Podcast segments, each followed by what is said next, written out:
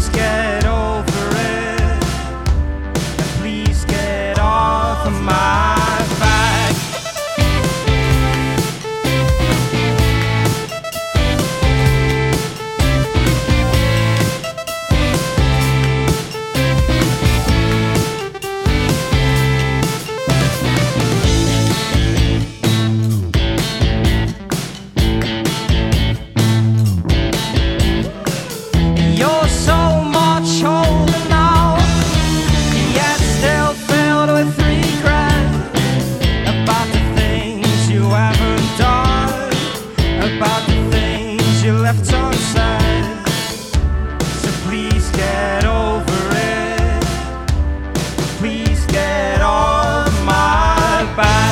Try to let go, Never let it go.